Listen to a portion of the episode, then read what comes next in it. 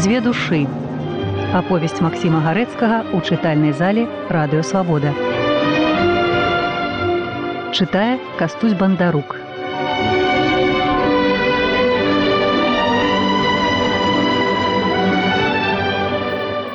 Пад прозвішчам гарэліка працаваў у месце Н сярод бальшавікоў капітан гарэшка, як тайны агент вялікага маскоўскага хаўрусу вызвалення рассеі. Хаўрус меў мэтаю адрадзіць ядзіную недзялімую расійскую імперію і рассылаў сваіх людзей скрозь па ўсіх яе быўшых частках. Капітана гарэшку як беларуса родам паслалі працаваць на Беларусь з вялікімі сумамі грошай і важнымі даручэннямі самага сакрэтнага характару. Між іншым было даручана яму знайсці патрэбных людзей для арганізацыі сялянскага паўстання, самому пралезці ў чырвоную армію, заслужыць ласку бальшавіцкіх кіраўнікоў, папасці на ўсмірэнне бунту і задавіць яго з незвычайнай шалёнай жорсткасцю. Між іншым было даручана яму, каб як толькі мага, а вывесці з Масквы цераз заходні фронт за межы савецкай тэрыторыі аднаго друзла архірэя, важнага сябру хаўрусу вызвалення. Таго, што некалі як быў архімандрытам у манастыру, дзе спасаўся гаршчок, прадаў дарагацэнную панагію важнага гістарычнага значэння і вывесці яшчэ двух галоўных супрацоўнікаў манахаў Паісія і Нікадзіма. Калі ўвечары к карпавічу прыйшлі абдзіраловічы Васіль, там было сярод дыму ад табакі шмат рознага бальшавіцкага камісарства. Мусіць быць у гасцёх ці на якой радзе, але скора ўсе разышліся, апрача аднаго відаць блізкога прыяцеля гаршку. Гэта быў высокі мужчына ў чорным крытым кажушку і вялікіх халявістых ботах, яшчэ не стары, але з акладзістай барадою і сівеючай галавой, быццам усаджанай у вялікія чорныя акуляры. Таварыш гарэлік, сказаў яму гаршчок, кульгануўшы ля столу. Напрацаваліся мы з табою сянні добра, аж надта. Я ўважаю, што маем права сянняшні вечар прабандурыць, а? Я то ж так думаю, што прабандурыць. Адказаў той вельмі знаёмым абдзіраловічу голасам і пачаў круціць папяроску, седзячы за сталом блізка лямпы, ды адхіліўшыся ад яе. А божухна, ці ж гэта капітан гарэшка памыслю абдзіраловіч і з неспадзеўкай нясмеласцю пільнее аглядзеў гарэліка а той і віду не падаў што адразу спазнаў быўшага прапаршчыка ну дык ён жа ён думаў абдзіраловіч і глядзеў на добра віднае ад святла лямпы вуха і шыю гарэліка. Ён гэта яго чырвоная спечаная скурачка п'яніцы дзявошніка на якой цяпер так адраслі засівелі яго мякенькія валасы. Ён гэта была для яго першая неспадзеўка. А гэта брат мае даўныя людзі павёў у іх бок рукою гаршчок кажучы гарэліку сваім грубым але не праціўным голасам адзін таварыш васіль добры камуністы а другі не ведаю але чалавек нічога сабе толькі дужа доўга самавызначаецца Я бачыце, як беларус патроху знаходжу сябе ў беларускай нацыянальнай і сацыяльнай свядомасці. Не зусім я нешта цямлю, сказаў счуць прыкметнай насмешкай гаршчок, але чаму гэта патроху? А што тут цяміць? загаманіў гарэлік. Таварыш як відаць самасційнік яшчэ аднай, здаецца зусім новай беларускай фармацыі. Украінскіх то я добра знаю, бо расстрэльваў сваімі рукамі, як быў на паўдзённым фронте. Усе троху помаўчалі, бо зрабілася быццам прыкра. Тады карпавіч неўспадзеўкі сказаў: « О, то і я знаю самасцейнікаў нават беларускіх. Двух гадкіх прывялі ў нашу чазвычайку за контррэвалюцыйную прапаганду, але не іму веры, каб таварыш абдзіраловіш займаўся тым самым чымены.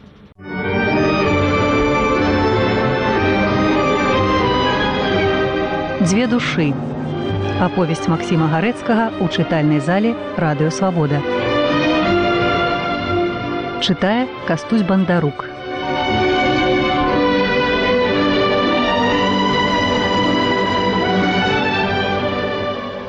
Карпавіч кульгануў, сеўшы за стол наўпроці яго і ўстроміў свае вочы ў яго вочы. Абдзяраловіч не заплюскаў і даволі спакойна сказаў: « А ці не ведаеце, як іх фаміліі? Можа быць, якраз у гэтай справе я і прыйшоў да вас прасіць помачы і рады. А вон яно што, ухільна адказаў гаршчок. Дык можа после аб гэтым, а цяпер не пагрэбуйце, што душа мае тым і прымае. Запрашаў ён госцяў на вячэру. Як не адпрашаліся Васілій Абдзіраловіч, адкі селі вячэраць. Ахмед татарын з нясвіжу, быўшы салдат, а цяпер не то дзяншчык, не то кухар, разам са стравай падаў чаркі і бутэлькі каняку. Абдзіраловіч, здаецца, ўжо з год, як не меў прыгоды не толькі піць, але і бачыць гарэлкі. Гутарка цяпер спачатку не ляпілася, але гарэлікі гаршчок націснулі на чаркі і загаманілі весялей. О, шмат чаго незвычайнага пачуў абдзіраловіч ад іх, калі паўпіваліся і пачалі буруздзіць абы што. Колькі раз парываўся ўцячы адгэтуль, бо чуў быццам нешта ліпкае, жудаснае наліпае на яго, а ў горле сцінае дыханне, калі яны хваліліся абодва адзін перад адным сваімі паслугамі рэвалюцыі, як забівалі людзей. Ён бачыў, як прыкра было Васілю, як той часам мучыўся, бачыў і сам тош мучыўся, але цікавасць, бо гэта было для яго навінаю, змяншала яго мукі. Ён шкадаваў, што трапіў сюды ў гэткі дрэнны час і губіў надзею дайсці парадку з карпавічам у сваёй справе і выпрасіць помачы для вызвалення міколы і яго таварыша вучня. А карпавіч выслаў ахмета ў кінематограф ці куды ён хочаць, пазачыняў дзверы і пазавешаў вокны, прынёс яшчэ каняку, і ў збане цеплаватай летняй кавы ды апанаваў гасцей п'яным гоманам, а памагаў яму быццам жартуючы гарэлік. Дрэннае брат, дрэннае твоё самаазначэнне, казаў гаршчок абдзіраловічу, калі язык у яго зусім плятухаўся. Дрэннае брат ты мой, стукаў ён яго по плячу кулаком, бо ўсё гэта панскія штучкі, каб пасварыць нас про про про татар'яў. Я ведаю, ты панскі сын. І глядзіш на мяне і смяешся, думаеш, напіўся чалавек як свінтус, я яшчэ бальшавік, А я, брат ты мой, п'ю не з радасці, а з гора.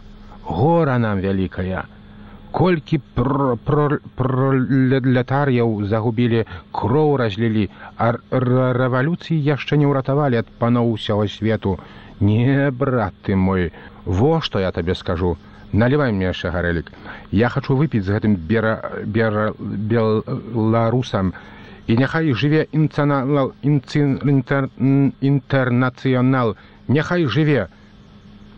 Няхай жыве крычаў п'яны гарэлік. Крычы а то расстраляю за контррэвалюцыю. Ну няхай жыве казаў дзяралович а васіль церабіў пушанку з кансервамі каб іх не слухаць і не слухаў засмучоны Ну, таварыш, дзёрнем за вашу самасійную мову і за Богам створанае хараство ці што не за хараство вашай мовы не, бо яна таварыш пакуль што мала скобленае некультурнае, а за жывое Богам створанае хараство за дзевачак ці што так бурузіў гарэлі кабдзіраловічу, нібыто надта ўжо п'яны, што і нічога не разумее але націснуўшы на некаторыя словы быццам будзячы ў свайго субяседніка даўныя і толькі ім вядомыя ўспамінкі ён так зірнуў у вочы абзіраловічу што то як слова чуў. Я цябе пазнаў і ты мяне пазнаў і не дзіва але дзіва што дзе гэта мы сустрэліся? І што з таго ўсё будзе так? І на гэтым ён не застанавіўся а пачаў пераказваць абдзіраловічу чаго клюгаюць карпавіч быццам той не ведаў Ён намаляваў яму абразок, як сам раніў карпавіча, а карпавіш замінаў яму п'яным языком. Не пераказу яму таварыш гарэлік, не пераказуй, чуеш ну, лепей, бо за цябе ён ведаець аб тым. Ён жа мой даўны знаёмы, а ты чуў гэта ад мяне толькі чуеш ну, Ён сам там быў. І на гэтым не застанавіўся капітан, а пачаў пераказваць абдзіраловічу, як яны з карпавічам сцішылі мужыцкі бунт. Уводзяць іх да мяне ў штаб бунтаваўся? Бунтаваўся. К сценцы. Раздзяваюць ведуць у другі пакой чуем трах. Валіцца і галавою стукнецца. І так аднаго і другога і двадцатого і тридцатого два родныя браты былі паповічы левыя сацыялісты рэвалюцыянеры. За правадыроў былі. Адзін аж млеяць, белы як крэйда, ногі падламуюцца, зубы калоцяцца і слова не можа сказаць, заікаецца. А другі яшчэ пад найкарпаю што? А другі брат малайчына, спакойны, галаву дзярэць, хоць ведае, што зараз і яго раздзенуць. Падводзяць яго, бунтаваўся, змагаўся з валтаўнікамі. Хочаш, каб цябе расстралялі? Хачу. А маладзец, ну раздзявайся расшпіляе царочку. Косцік, будь смялей, кажа брату. Можа, чаго хочаш, прасі, кажу. Напісаць запіску матцы, пішы, а малодшага вядзіце. Самлеў той, павалаклі, а гэта крычыць. Прашчай косцік, я пішу маме. А сам на кавалачку паперы хапаецца, пішаць і рука, праўда, дрыжыць. Дарагая мамулечка, не плачце, так трэба. Косціка ўжо павялі. Стрэл заваліўся. Гэта ён, зараз я цалую. Не дапісаў. Схапіў я наган і ўсадзіў яму кулю ў лоб. А маладзец. Абдзіраловіч слухаў, як загіпнатызаваны нечым смярдзючым гідкім. быццам нешта ліпкае жудаснае наліпае на яго, а ў горле сцінае дыханне.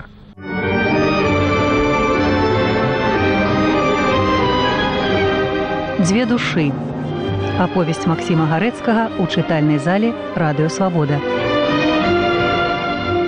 Чытае кастусь бандарук.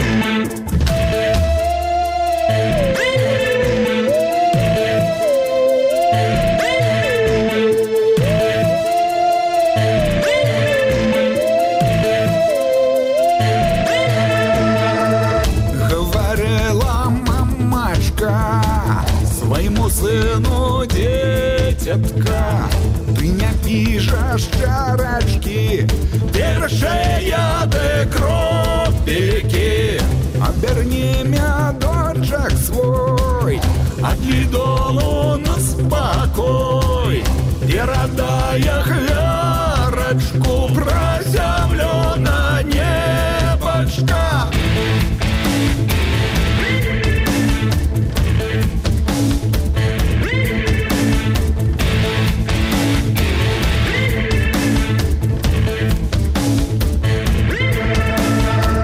Сын мамку не слухаўся жыў як на паранасе воўк Ты глытаў як з голаду. Чаго прагну з моладу? Жары пусцю наталюся Пра дзяду сваіх забыўся Ты ўсё думаў як памерці з каменем на сэрцы.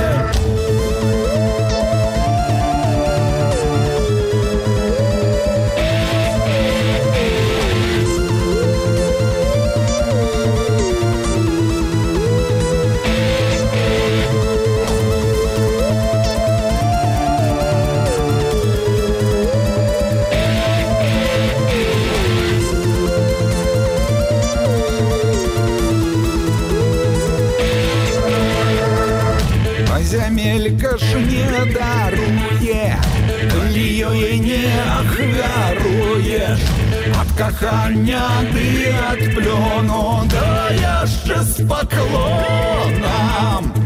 Але ж помсти не зачепить, яна просто не прикметить, и не прыме, и не возьме веснового